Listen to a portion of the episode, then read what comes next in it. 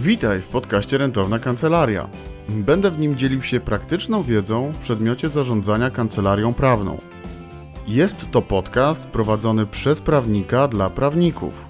Nazywam się Piotr Chodosz i od kilku lat pomagam kancelariom prawnym być bardziej efektywnym na rynku usług prawnych. Znam z osobistego doświadczenia problemy branży prawnej. Potrafię rozmawiać z różnymi typami prawników na różnym stadium rozwoju ich biznesu.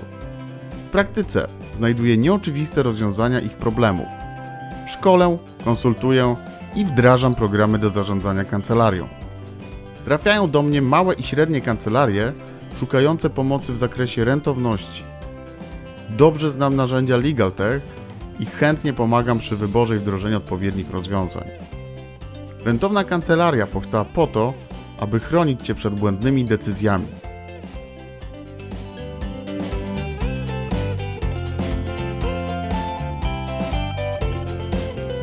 Sercem podcastu jest rentowność kancelarii. Jest kilka definicji rentowności, głównie ekonomicznych. Ta, z którą ja się utożsamiam, to pozytywny wynik dochodowości kancelarii, który jest konsekwencją kompromisu pomiędzy inwestycjami w zasoby biznesu a stawianymi celami dla kancelarii z uwzględnieniem życia prywatnego. Jeśli chcesz dowiedzieć się, jak zwiększać rentowność kancelarii, to zapraszam Cię do odsłuchania tego podcastu. Cześć, witamy w 11 odcinku podcastu Rentowna Kancelaria. Witamy, bo gościem tego odcinka jest Paweł Rafałowicz. Pawła poznałem jakiś czas temu podczas jego przygotowań do założenia własnej kancelarii prawnej i uznałem, że będzie wartościowe dla Was posłuchać, jak Paweł się przygotowywał do tegoż faktu. Szczególnie, że dzisiaj Paweł wyróżnia się w mojej ocenie taką dobrą metodą na to, żeby nie zbankrutować za szybko i nie wrócić na etat. Także bardzo Ci, Pawle, serdecznie dziękuję za przyjęcie zaproszenia do mojego podcastu. Proszę powiedz dwa zdania o sobie, jak to z Twojej strony, jak wyglądają z Twojej strony pierwsze dni prowadzenia działalności. Powiedz nam też, też e, dwa zdania, kim jesteś i, i jak ta Twoja kancelaria wygląda na dzisiaj. Hej Piotrze, hej wszystkim. Ja również dziękuję za zaproszenie. Jeżeli chodzi o mnie, jestem radcą prawnym od troszkę ponad miesiąca, a działalność gospodarczą zacząłem 13 dni temu. Wcześniej pracowałam jako asystent sędziego przez 5 lat i w pewnym momencie zdecydowałem, że nie tędy droga. Pójdę własną ścieżką. I stąd też właśnie jestem teraz w tym miejscu, w którym jestem. A jak jest przez te dwa tygodnie? Myślę, że y, ciągle jestem czymś zaskakiwany. A powiedz, Pawle, dlaczego właściwie założyłeś tę kancelarię prawną, gdyby, gdybyśmy takie pytanie postawili? Myślę, że mm, w skrócie powiedziałbym, że cenię sobie niezależność. Przez ostatnie pięć lat, właśnie pracując w sądach, byłem zależny. To znaczy, pracowałam dla sędziów. Mhm. I w pewnym momencie, mm, w pewnym momencie zrozumiałem i uświadomiłem sobie, jak bardzo zależy mi na tym, aby pracować na własnych zasadach, aby odpowiadać za to, co robię, aby było widać na zewnątrz, że to ja robię, a nie ktoś inny. I myślę, że ta wartość, właśnie niezależność, yy, ostatecznie przesądziła o tym, że jestem teraz tu, gdzie jestem. A nie masz takiego wrażenia, że ta no, oczywiście to są, też to są początki Twoje. Myślę, że za chwilę też wrócimy do, do tych tygodni, które jakby poprzedziły fakt jakby uruchomienia tej, chciałem powiedzieć rentownej kancelarii, Twojej kancelarii. Na pewno będzie rentowne. Właśnie o rentowności też zaraz będziemy chwilę rozmawiać, bo to mnie też słuchaczy tego podcastu może interesować, jeśli chodzi właśnie o, o rentowność. Natomiast czy nie masz takiego poczucia, że z tą niezależnością, że z jednej strony tutaj byłeś zależny od sędziego, a z drugiej strony będziesz zależny troszeczkę od klientów? Będę zależny od klientów i o tym wiem i z pełną świadomością otwierając kancelarię, godziłem się na to. Nawet e, podczas pierwszej rozmowy mm, w kancelarii, do której trafiłem, bo pewnie o tym też porozmawiamy za chwilę, e, jaka to moja forma prawna działalności jest, a jak to wygląda organizacyjnie, właśnie usłyszałem od partnerów, że tak, jesteśmy wolnym zawodem, ale jesteśmy Mhm. też uzależnieni od klienta. Godzę się na to, rozumiem, wiem, z czym to się je, natomiast to jest też przede mną wyzwanie, aby tak poprowadzić się, kancelarię, swoją markę osobistą, do takiego punktu, w którym będę rozpoznawalny i w którym klienci będą przychodzili do mnie, a nie w którym ja będę wyłącznie się promował i zachęcał ludzi do tego, aby do mnie przyszli i zaufali mi. Powiedz, czym będziesz się w takim razie zajmował i kto jest, kto będzie twoją grupą docelową? Jakie będziesz rozwiązywał problemy rynkowe? W tym momencie mm, chciałbym mm, skupić się na tym, na czym znam się najbardziej. Przez lata pracowałem w wydziałach cywilnych, doktora też robiłem e, ze, spraw, e, prawa cywilnego. W związku z tym e, myślę, że to, ta, ta, ta gałąź prawa, natomiast gdybym miał to określić szczegółowiej, to powiedziałbym zwłaszcza rozwody i sprawy spadkowe. Natomiast jednocześnie przygotowuję się intensywnie do tego, aby być gotowym mm, w niedalekiej przyszłości, mam nadzieję, na obsługę prawną e, przychodni POZ-ów.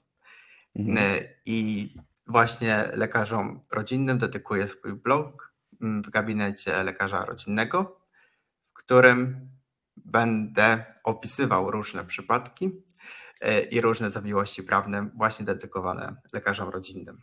Powiedz, Pawle, w takim razie, czy masz pomysł, jak rozwiązywać problemy Twojej grupy docelowej trochę inaczej niż to robi rynek? Czy zarówno jakby, jeśli mielibyśmy rozmawiać o tych przychodniach, jak i tych kwestiach e, związanych z prawem cywilnym, ja przypominam sobie naszą rozmowę gdzieś w ramach tych mastermindów, jeśli chodzi o to poszukiwanie tego, w jaki sposób robić inaczej, lepiej, w inny sposób, tak? W taki, żeby, żeby się jakoś wyróżnić. Czy ty, powiedz, uzyskałeś informacje na nurtujące ciebie wtedy pytania? Trudne pytanie. Myślę, że nie do końca. Myślę, że to jest odpowiedź, y, na którą będę, której będę poszukiwał przez długie, długie lata jeszcze. To, co mogę zrobić na ten moment, to budować zaufanie w mediach społecznościowych i w ogóle pokazywać siebie, że jestem. I następnie zadbać o to, aby człowiek, który do mnie przychodzi, czuł się zaopiekowany. I pod względem merytorycznym, i pod takim względem około merytorycznym. To znaczy chociażby to, że po prostu go wysłucham, że zadam mu jakieś pytania, że zatroszczę się o to, żeby zapytać, czy jest coś jeszcze, albo żebym pokazał temu klientowi e, to, gdzie jeszcze e, dostrzegam jakieś problemy, których może on nie widzi. Mm, I myślę, że na razie to mogę zrobić. I tak bym odpowiedział teraz na to pytanie. Natomiast, czy jest coś szczególnego, Niestety nie znajduję na to pytanie na razie odpowiedzi. Mhm. Czyli uważasz, że to będzie po prostu w pewnym sensie jakiś proces dochodzenia do tego, w cudzysłowie, wyróżnienia, wyróżnienia się na rynku, tak? Nie jest to taka sytuacja, że za dotknięciem czarodziejskiej różdżki nagle stajemy się niesamowicie tutaj, stajemy się prawnikami czy kancelarią, która się wyróżnia i błyszczy na rynku w sposób niesamowity. Teraz powiem, że ta twoja specjalizacja, jeśli chodzi o przychodnie, to już jest dużo, dlatego że część prawników też sprzedaje wszystko wszystkim, a już taka nazwijmy to nisza czy specjalizacja w, w kontekście jakby tych tych ośrodków, tych przychodni, tak? To już jest, to już jest duża rzecz. Teraz powiedz mi proszę, Pawle, jeszcze jakie masz główne obawy i obiekcje? Zacznijmy od tej ciemniejszej strony też prowadzenia, prowadzenia przedsiębiorstwa tych pierwszych tygodniach prowadzenia kancelarii. Czy one się jakby spełniają, czy dopełniają, czy raczej to jest tak, że wyobrażenie jest inne niż rzeczywistość? Wydaje mi się, że, mm, że nie miałam wyobrażeń.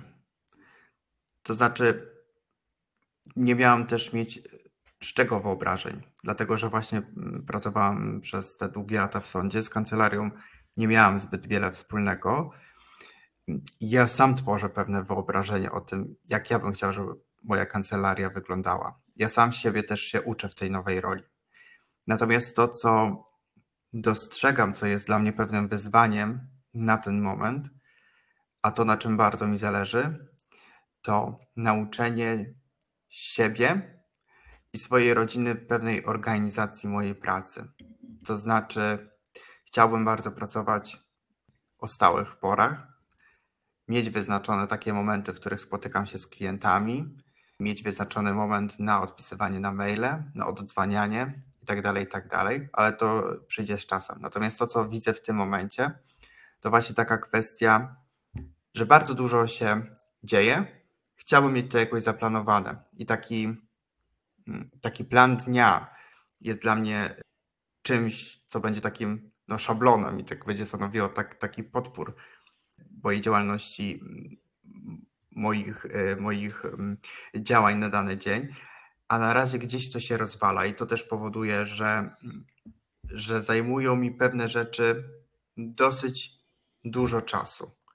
Chciałbym i myślę, że da się skondensować trochę te moje działania, które są w tym momencie, tak aby mieć po prostu więcej, więcej czasu dla siebie i więcej czasu dla rodziny. Ty, Pawle, pamiętasz, y, podczas jednej z naszych rozmów wspomniałeś, że zaczniesz kancelarię prowadzić, to zaczniesz tak naprawdę od odpoczynku, od urlopu. Nie wiem, czy sobie przypominasz tą. Tak, tak powiedziałem. To mnie bardzo zaciekawiło. Mówię, kurczę, zacząć firmę, zacząć biznes od odpoczynku. Powiedz, bo wiem, że ty w wielu źródłach, dlatego też to uznałem, że to może być ciekawe dla ludzi. Ty w wielu źródłach, w wielu źródłach czerpiesz wiedzę w zakresie właśnie przygotowania się, czy samej organizacji, planowania, tej, no nazwijmy to, rentowności działań i tak dalej. Więc jak możesz ten wątek odnośnie odpoczynku, myślę, że w tych czasach naszych, nagrywamy to w połowie marca 2022 roku, no odpoczynek i takie wyciszenie jest rzeczą, która na pewno każdemu z nas się przyda i być może są sposoby dla słuchaczy też tego podcastu na to, żeby, żeby to zrobić. Jakbyś mógł ten wątek troszkę rozwinąć, bo to bardzo dla mnie było ciekawą, ciekawą myślą. Dobrze, ale od razu powiem, że też dopiero się tego uczę. Jeżeli chodzi o, o urlop, moje planowanie kancelarii, planowanie organizacji kancelarii na cały rok zacząłem rzeczywiście od planowania urlopów. To znaczy, w moim kalendarzu zaznaczyłem sobie wszystkie długie weekendy, i mniej więcej termin urlopu, który planuję z rodziną spędzić. Y, I to są takie momenty w roku, które są nie do ruszenia. I całą resztę, którą będę planował, będę podporządkowywał po to, pod to. Dlaczego tak? Dlatego, że właśnie to jest też to, o czym mówiłem przed chwilą. Są pewne rzeczy, pewne działania, które zajmują multum czasu i nawet się nie spodziewam w trakcie ich planowania, że one będą mi tyle zajmowały. Natomiast w momencie, w którym wiem, że w tych dniach mnie nie ma, w tych dniach odpoczywam, w tych dniach jestem dostępny dla siebie i dla rodziny, to są te momenty moje własne, mm, nie momenty, w których y, mogę się zrelaksować i mogę sobie odpuścić gdybym czegoś takiego nie zrobił, to myślę, że bym pewien, wszedł w pewien wir pracy po prostu. I nawet w momencie, w którym chciałbym odpocząć, nie dałbym za wygraną. I bym musiał robić, robić, robić i robić. Może by się okazało nawet, że nie miałbym czasu na te kilka dni urlopu. A tak, to podporządkowuję wszystkie swoje działania temu, że wtedy, a wtedy jestem niedostępny. Mhm, to tak jak o tym opowiadasz, kojarzy mi się taka scena, że zaczynasz bieg w maratonie i jeszcze przed tym biegiem wiesz doskonale, że nie wiem, na dziesiątym kilometrze to na pewno zjesz jakiś tam owoc, na 15 to będzie izotonik, a na 25 to będzie jakiś baton energetyczny, czyli nie wstajesz na starcie i nie biegniesz po prostu po wystrzale, tak po prostu zobaczymy jak, jak, jak, jak fabryka da, tylko wcześniej sobie rozplanowujesz to i doskonale rozkładasz trochę te siły, ale biorąc w pierwszej kolejności ten element związany z odpoczynkiem. To jest takie dosyć ciekawe i nie, nieoczywiste i nie jest to często spotykana w mojej ocenie sytuacja, bo ja rozumiem, że fizycznie to wygląda tak, że otwieramy sobie kalendarz, czy analogowy, czy po prostu elektroniczny i na sztywno wpisujemy te rzeczy i no, tutaj muszą się jakieś duże rzeczy zadziać, żeby to jakby zachwiać tymi terminami. Tak, dokładnie tak zrobiłem. Wpisałem sobie w kalendarz zarówno w kalendarz e, i analogowy, i elektroniczny. W ramach podcastu Rentowna Kancelaria skupujemy się na tym temacie rentowności, a w ramach rentowności mamy zasoby kancelarii.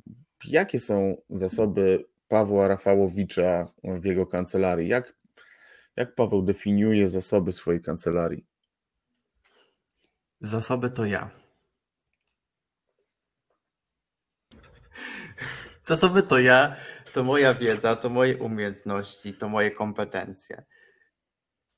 Wiedza oczywiście prawna, e, umiejętności również, ale mam też tutaj na myśli te wszystkie około prawnicze rzeczy, a może nawet i pozaprawnicze prawnicze rzeczy, takie jak mm, sztuka wystąpień publicznych, jak pewna umiejętność komunikacji z ludźmi, komunikatywność, której się ciągle uczę. I tak dalej, i tak dalej. Mhm. Czy w ramach wystąpień publicznych i tych e, kompetencji miękkich, bo z kompetencjami miękkimi to jest też ciekawa dosyć sprawa, dlatego że ja w tamtym roku robiłem takie krótkie badania, badania, ankietę na LinkedInie i pytałem ludzi, co jest ważniejsze, czy kompetencje miękkie, czy twarde, i ku mojemu w sumie zaskoczeniu, zdziwieniu trochę wyszło mi, że prawnicy są bardziej tymi kompetencjami miękkimi zainteresowani niż twardymi, takimi na zasadzie jakichś takich technicznych mm, umiejętności, tak, do tego, żeby robić rzeczy, więc oni bardziej jej, oni, my można powiedzieć, tak, cenimy sobie właśnie te kompetencje miękkie. Z czego to wynikać może, powiedz Pawle? Z czego to może wynikać? Mhm. Może z takiej, może z takiej po pierwsze świadomości tego, że my prawnicy nie jesteśmy w stanie podążać za e, ustawodawcą, za jego pomysłami, za tym gąszczem przepisów i po prostu musimy się wyspecjalizować. E, więc zagłębiamy się w te wątki, które nas najbardziej interesują, w te wątki, które są potrzebne w danym momencie e, na rynku i interesuje nas wiedza merytoryczna w bardzo wąskim zakresie. Natomiast e, gdy chodzi o kompetencje miękkie, to myślę sobie, że też prawnicy są świadomi tego, jaka jest konkurencja na rynku. Są świadomi tego, że e, klienci Klientom nie wystarczy tylko to, aby zobaczyć, że prawnik coś wie, ale też, że prawnik mm, potrafi rozmawiać z klientem, potrafi się nim zaopiekować. Mm, i że prawnik też potrzebuje, właśnie to jest chyba trzeci obszar, mm, prawnik potrzebuje wyrobienia, stworzenia własnej marki osobistej. Ja zresztą sam przez, te, przez ten miesiąc Teraz bycia radcą prawnym uczestniczyłem w dwóch szkoleniach z kompetencji miękkich e, i jest ich coraz więcej organizowanych przez Izby Radców Prawnych i sam jestem nimi bardziej zainteresowany niż taką stricte wiedzą merytoryczną. Mhm. A powiedz, wracając jeszcze do tej Twojej kancelarii, to Jakbyś mógł słuchaczom troszkę opowiedzieć, jak wyglądała ta kuchnia, troszkę przygotowania, to znaczy jak wyglądały sprawy organizacyjne, czy lokal, czy księgowa, w, jakich tych, w jakiej ty tej formie faktycznej funkcjonujesz, tak? W sensie jakby jak, jak, jak działasz tak, e, już mówiąc bardziej, bardziej konkretnie, operacyjnie. To w pierwszej kolejności, jak przygotowywałem się do, do prowadzenia kancelarii, to w ogóle musiałam się zastanowić, czy ja w to chcę iść. Więc y, zasięgnąłem języka y, i y, rozmawiałem z wieloma moich, moich znajomych ze studiów i nie tylko, którzy prowadzą własne działalności, którzy są radcami i adwokatami, czy nie żałują, czy są zadowoleni z tego miejsca, e, w którym są, jak wygląda ich praca codzienna, czy mają więcej klientów indywidualnych, czy może jakichś firm, e, czy da się z tego wyżyć i tak dalej, i tak dalej. Więc y, rozmawiając, no naprawdę, naprawdę z kilkunastoma osobami, w pierwszej kolejności w ogóle chciałem podjąć decyzję, ryzyko, wiedząc może inaczej, przypuszczając na podstawie ich doświadczeń, z czym może to się wiązać. Następnie, jeżeli chodzi o lokal. U mnie wyszła akurat taka sytuacja, że moja znajoma na Facebooku mm, ogłosiła, że w jej kancelarii, a w zasadzie w lokalu, który, który ona współ, współwynajmuje, zwalnia się biurko do wspólnoty biurowej. Że w zasadzie tak szczerze się przyznam, bo nikomu jeszcze o tym nie mówiłem, ale e, myślałem właśnie o, o tej kancelarii, właśnie mm, o tym, że jeżeli kiedyś zostanę radcą prawnym, to, to chciałbym być właśnie w tym miejscu, w tym lokalu i z tymi ludźmi. E, to od razu do niej napisałem, że byłbym zainteresowany rozmową, chciałbym zobaczyć, jak to wygląda i tak dalej, i tak dalej. No i, no i trafiłem mm, na rozmowę do partnerów tej, kancelarii. Ta kancelaria akurat, do której trafiła, działa w ten sposób, że każdy z nas, e, mecenasów, ma własną działalność gospodarczą i mm, jesteśmy podnajemcami lokalu. Natomiast y, na zewnątrz jesteśmy widoczni pod jednym szyldem, jednym brandem. Y, I tak to wygląda organizacyjnie. Mm. I kiedy już y, byłem po rozmowie, tej pierwszej rozmowie, kiedy poznałem te zasady organizacyjne, takie wstępne Delarii, dałem sobie chwilę luzu na to, żeby o tym nie myśleć a potem dałem sobie kolejny, kolejny czas i to łącznie około miesiąca wszystko trwało, żeby się jeszcze raz zastanowić nad tym, czy ja rzeczywiście chcę w to iść. To były rozmowy nie tylko z moją żoną, nie tylko przemyślenia moje własne, ale też e, w gronie moich e, znajomych, którzy mnie znają, którzy wiedzą w zasadzie, znaczy może inaczej, widzą mój rozwój po prostu widzą, e, kim jestem i, i na czym mi zależy. Musiałam to też mm, trochę przekalkulować e, finansowo, to znaczy, czy jest rzeczywiście teraz czas na to, abym mógł sobie pozwolić na przeznaczenie jakichś środków na otworzenie własnej działalności i na to, żebym stworzył poduszkę finansową jednak na te kilka miesięcy pierwszych prowadzenia działalności. Więc to było dużo przemyśleń i takich dużo też kwestii, no właśnie, trochę organizacyjnych. Kwestii też takich, y, czy ja jestem w stanie podołać, to znaczy, czy ja mam takie zasoby, żeby podjąć się tego nowego wyzwania. Bo jednak, no właśnie, pracowałam w sądzie, tak jak mówiłem wcześniej. Powiedziałam też wcześniej o tym, że mm, z kancelariami nie miałam zbyt wiele wspólnego. Wpisywałam się też na listę właśnie z doktoratem i z doświadczeniem, więc dla mnie pójście w zawód prawniczy, ale od zupełnie innej strony, tej, której nie znam praktycznie, no to jest pójście na, na szerokie wody i ogromne ryzyko. Ale poprzeanalizowałem sobie to, co wiem, w sensie zebrałem tę całą wiedzę, którą mam i te właśnie moje umiejętności, kompetencje miękkie, które zdobywałam przez, y, przez wiele, wiele swoich lat od czasów podstawówki i po prostu myśląc o tym swoim zasobie, uznałem, że ja jestem w stanie to zrobić.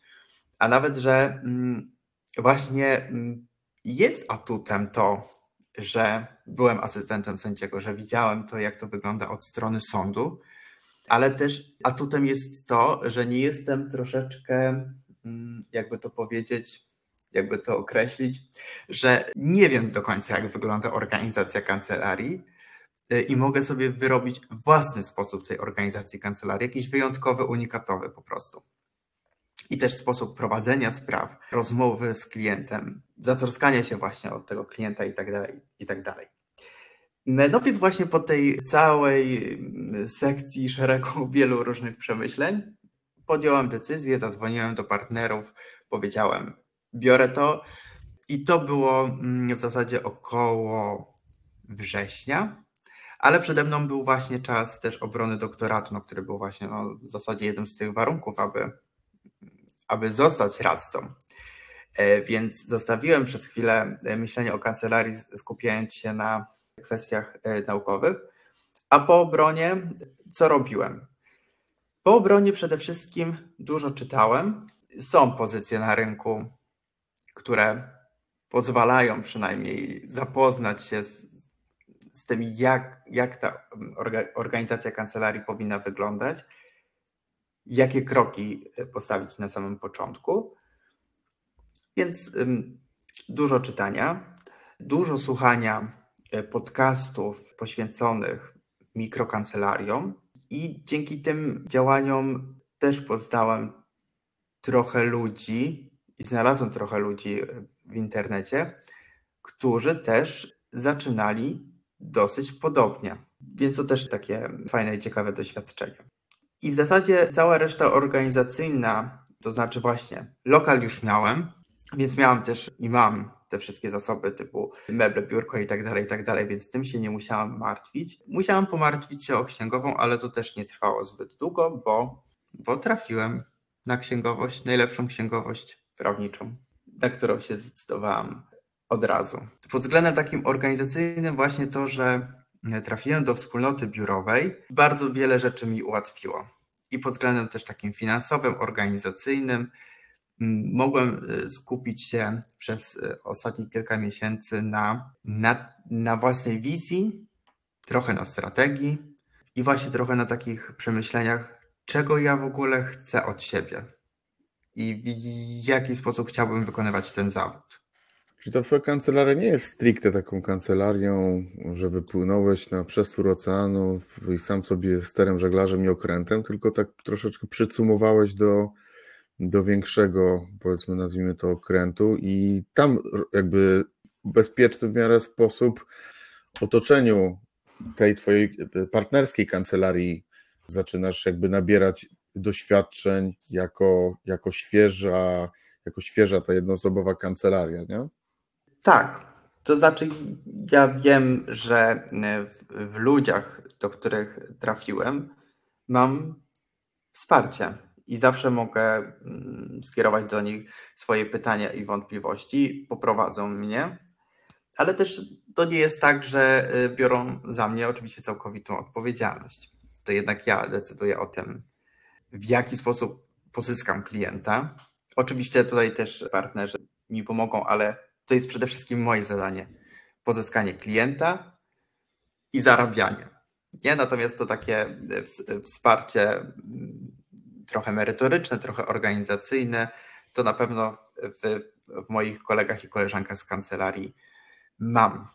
Pawle, bo tak, jeśli ktoś słucha tego, tego wywiadu, tej, tej naszej rozmowy i zastanawia się nad założeniem własnej kancelarii, to chodzi mi na to, że e, wiedzę, co tam czerpię zarówno z tych podcastów, jak i książek, jak i sieci po prostu, czyli wyszukując informacji, ale przy okazji po, pozyskiwania tej wiedzy stykasz się z tak zwanymi narzędziami takimi biznesowymi, tak? czy powiedzmy sobie jakimiś mm, też testami, mam na myśli Galupa, czy, czy takie tematy w stylu biznes, zrobienie sobie biznes model canvas, czy te mastermindy, w których wspólnie uczestniczymy, które z punktu widzenia Twojego właśnie te narzędzia, takie najbardziej praktyczne, najbardziej istotne i takie bezwzględne, takie, które mu, muszą być, które, które y, uważasz, że po, jakby bez tego, no to, to jest trudno podziałać.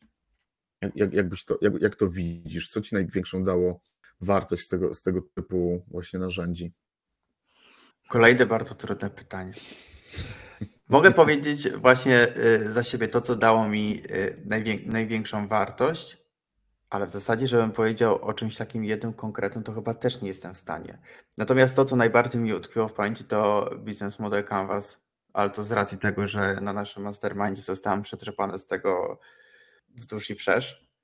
E, ale rzeczywiście to jest takie narzędzie, które e, pozwala zastanowić się nad każdym elementem mm, tego biznesu.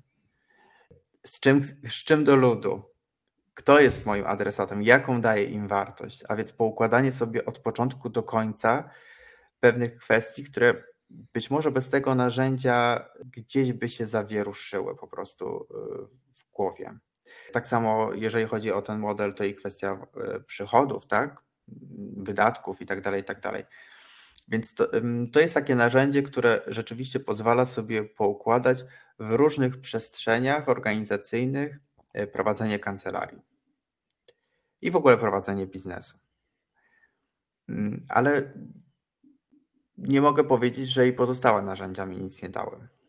Mm, bo na przykład y, ja z tego, czego dowiedziałem się o sobie z testu Galupa, korzystam praktycznie codziennie.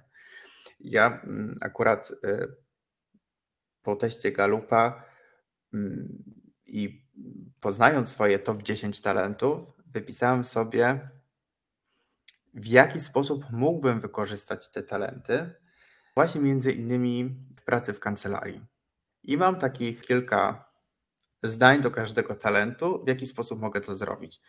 Sięgam do tego, przypominam sobie mm, to, co sobie zapisałem, mniej więcej dwa, trzy razy w tygodniu.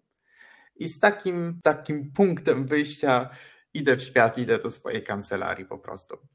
Więc to też jest dla mnie to jest takie narzędzie poznawcze, aczkolwiek zdaję sobie sprawę z tego, że to nie jest taki must have. Jeżeli ktoś jest świadomy siebie, swoich zasobów, które posiada, to myślę, że mógłby się i obejść bez tego. E, natomiast ja dużo słuchałem też podcastów na temat marki osobistej w kancelariach prawnych i myślę, że to jest też coś bardzo wartościowego, dlatego że nie wiem, czy gdybym tego nie słuchał, to czy próbowałbym poprowadzić taką strategię marketingową, jaką staram się albo jaką mam w głowie. Raczej bym myślał chyba w ten sposób tradycyjny, to znaczy czekam na klienta po prostu w swojej kancelarii, dlaczego nikt do mnie mhm. jeszcze nie, nie zadzwonił, nie? Czyli taką pewnego rodzaju agresją byś to robił też. Mm, może, tak, możemy to tak nazwać. Mhm. Natomiast e, właśnie te, e, ten szereg podcastów których wysłuchałem, uświadomił mi, że nie, nie, nie, to jest zadanie dla mnie. Że to przede mną właśnie takie zadanie, abym, y, abym no, pozyskiwał tego klienta, abym dał coś z siebie najpierw. Mhm. A to jest ciekawe, o czym mówisz, bo ja w ramach też tutaj swojego biznesu mam bardzo, no, czasem mam rozmowy z klientami, którzy chcieliby jakby scedować, zoutsourcować to budowanie marki osobistej na jakiś zewnętrzny podmiot czy człowieka, to już jakby bez znaczenia. Ale jest taka myśl e, wśród prawników, że ty się zajmij tymi marketingami, bo to jest takie troszeczkę nie do końca poważne, e, a ja się zajmę swoją merytoryczną pracą. Mi ktoś tutaj nie zgadza się do końca, dlatego że nie bardzo jestem w stanie sobie wyobrazić, żeby jakaś firma, czy agencja marketingu, czy jakaś osoba, czy ktokolwiek inny, oprócz ciebie, mógł w stanie wyciągnąć z ciebie ten potencjał, który w tobie jest, bo nawet wiesz, wiedza, którą pozyskałeś na zasadzie, że się dowiedziałeś o wielu, wielu, wielu różnych rzeczach, masz ten test Galupa, masz zrobiony ten biznes model Canvas, czy przepracowałeś wiele tygodni, jak nie miesięcy po to, żeby się zastanowić nad sobą, to teraz powiedz mi, jak ja mam poprowadzić Ciebie, na przykład w internecie, czy na Facebooku, na LinkedInie, czy na jakimś Instagramie, o innych socialach nie wspomnę, jakby nie przeżywając tego i nie mając tego w głowie, co masz Ty. Więc ja tylko mogę być takim, takim wyzwalaczem Twoich zasobów i pokierować Cię, że tutaj warto być, tam warto być, tu jest Twoja grupa docelowa, taki, w taki, taki, to, taki sposób można się z nimi komunikować jakoś tam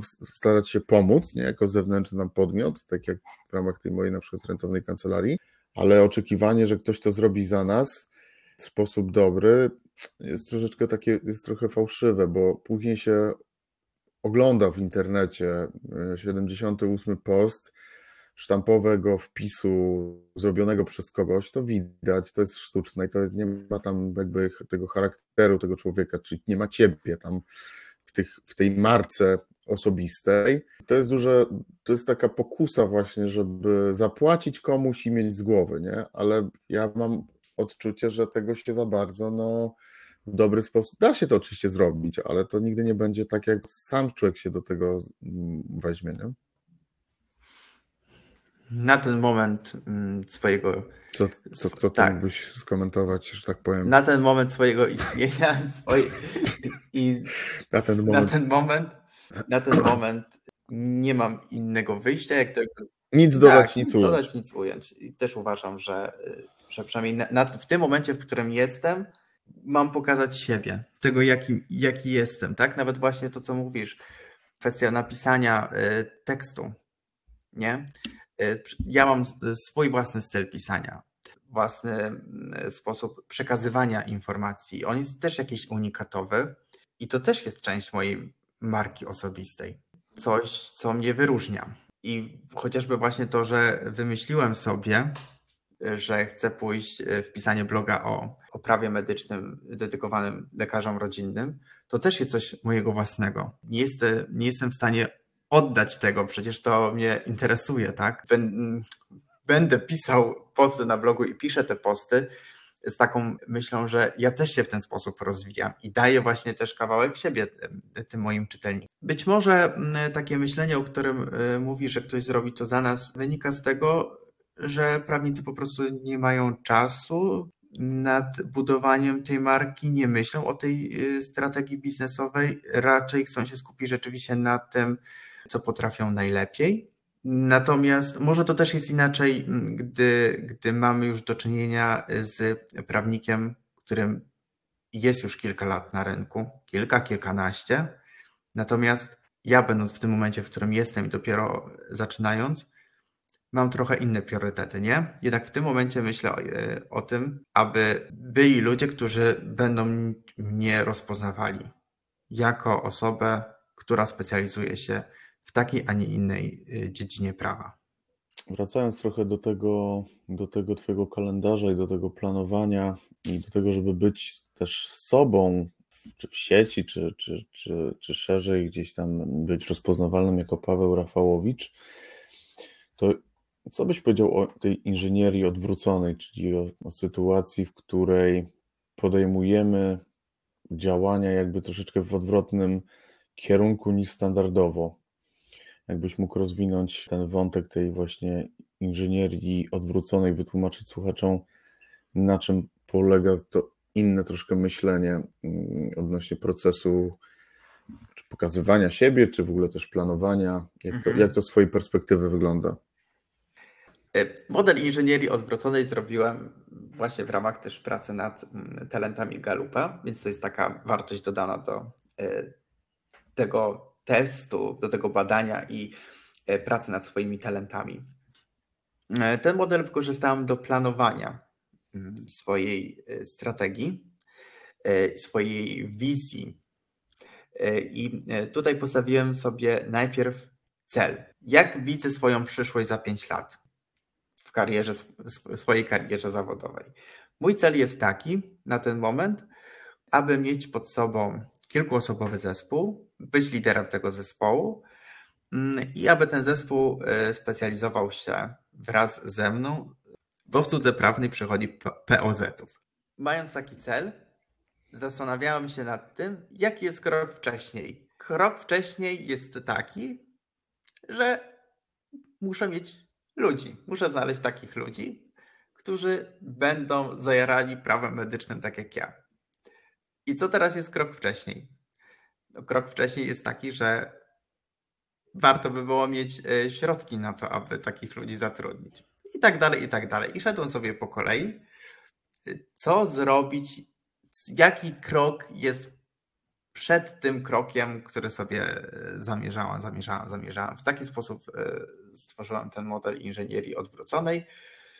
Mm, I to też jest fajne pod tym względem, że mm, no po pierwsze, ustalam sobie też czas, więc ten mój cel, który mm, sobie wymyśliłem, jest też mierzalny.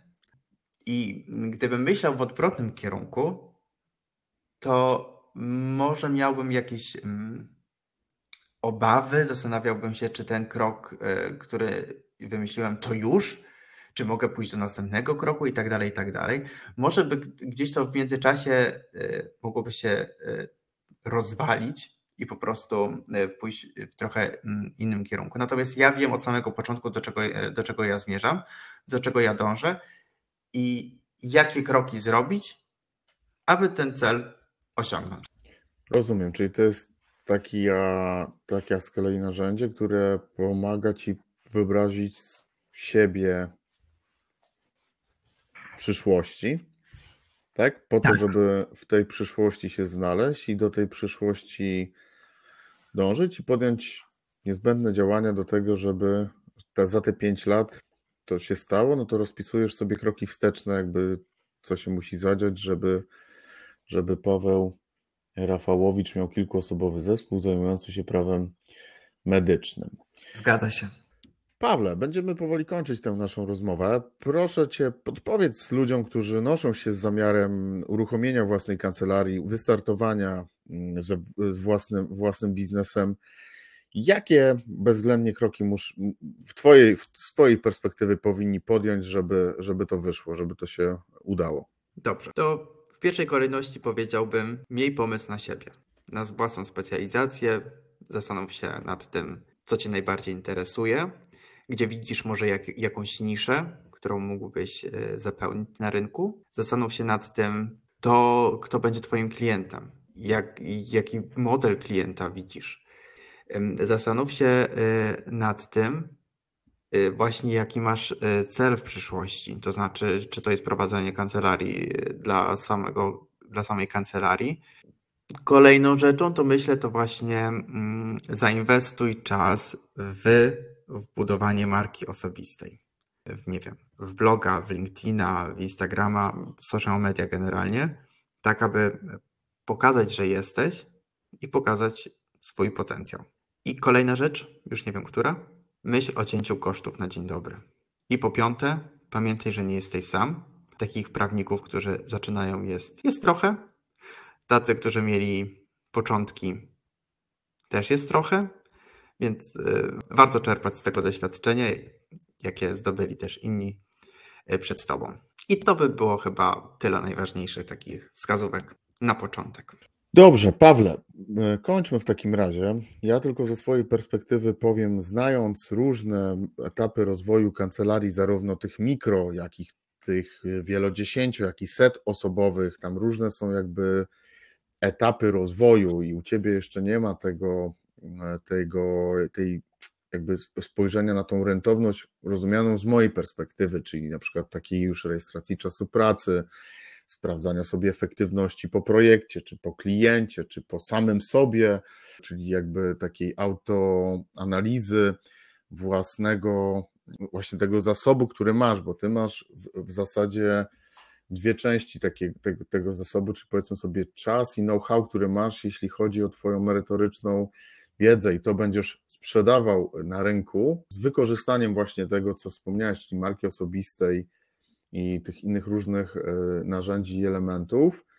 Powiem tak, że warto też na samym początku prowadzenia własnej kancelarii zadbać o to, zresztą wiem, że ty też się tym interesujesz intensywnie, żeby czy rejestrować właśnie swój czas pracy, wiedzieć na co się go wykorzystuje, uczyć się wyceny y, spraw, projektów, po to, żeby Twoja stawka godzinowa i Twojego zespołu w przyszłości stawki godzinowe no były maksymalnie wysokie, a z kolei czas, który poświęcacie na życie zawodowe, był na tyle dla Was naturalny i odpowiedni, żeby nie zaburzało y, Wam to mm, tego odchodzącego chyba już do lamusa sformułowania work-life balance, czy mówiąc po ludzku, żeby nie cierpiały na tym wasze rodziny, e, jeśli chodzi o, mm, o właśnie czas poświęcany na pracę merytoryczną. Ja w ramach rentownej kancelarii staram się e,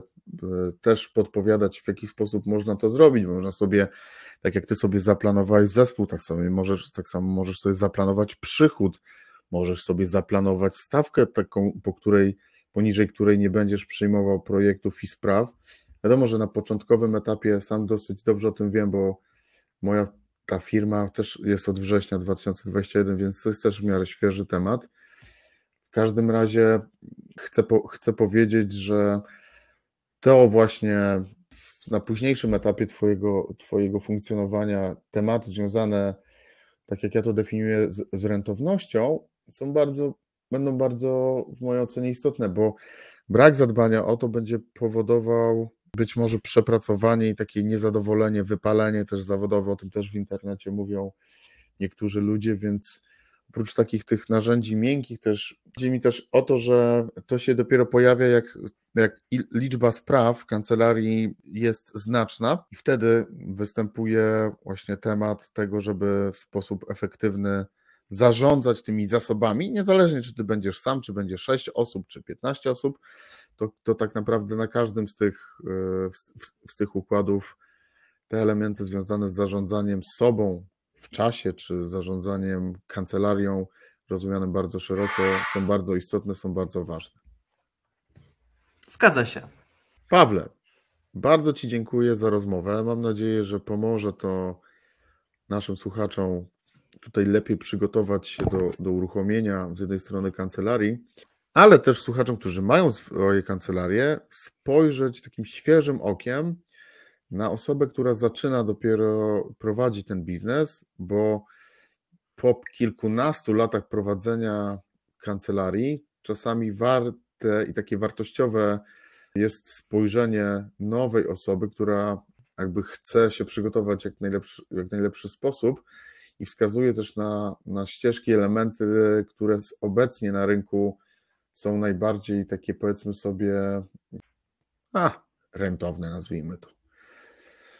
Także raz jeszcze Ci dziękuję za rozmowę. Jeśli chcesz jeszcze cokolwiek więcej powiedzieć, to, to teraz jest ten, ten moment. Ja ze swojej strony ślicznie Ci dziękuję za, za tę naszą rozmowę. Ja również dziękuję i serdecznie pozdrawiam wszystkich słuchaczy. Do usłyszenia. Do usłyszenia.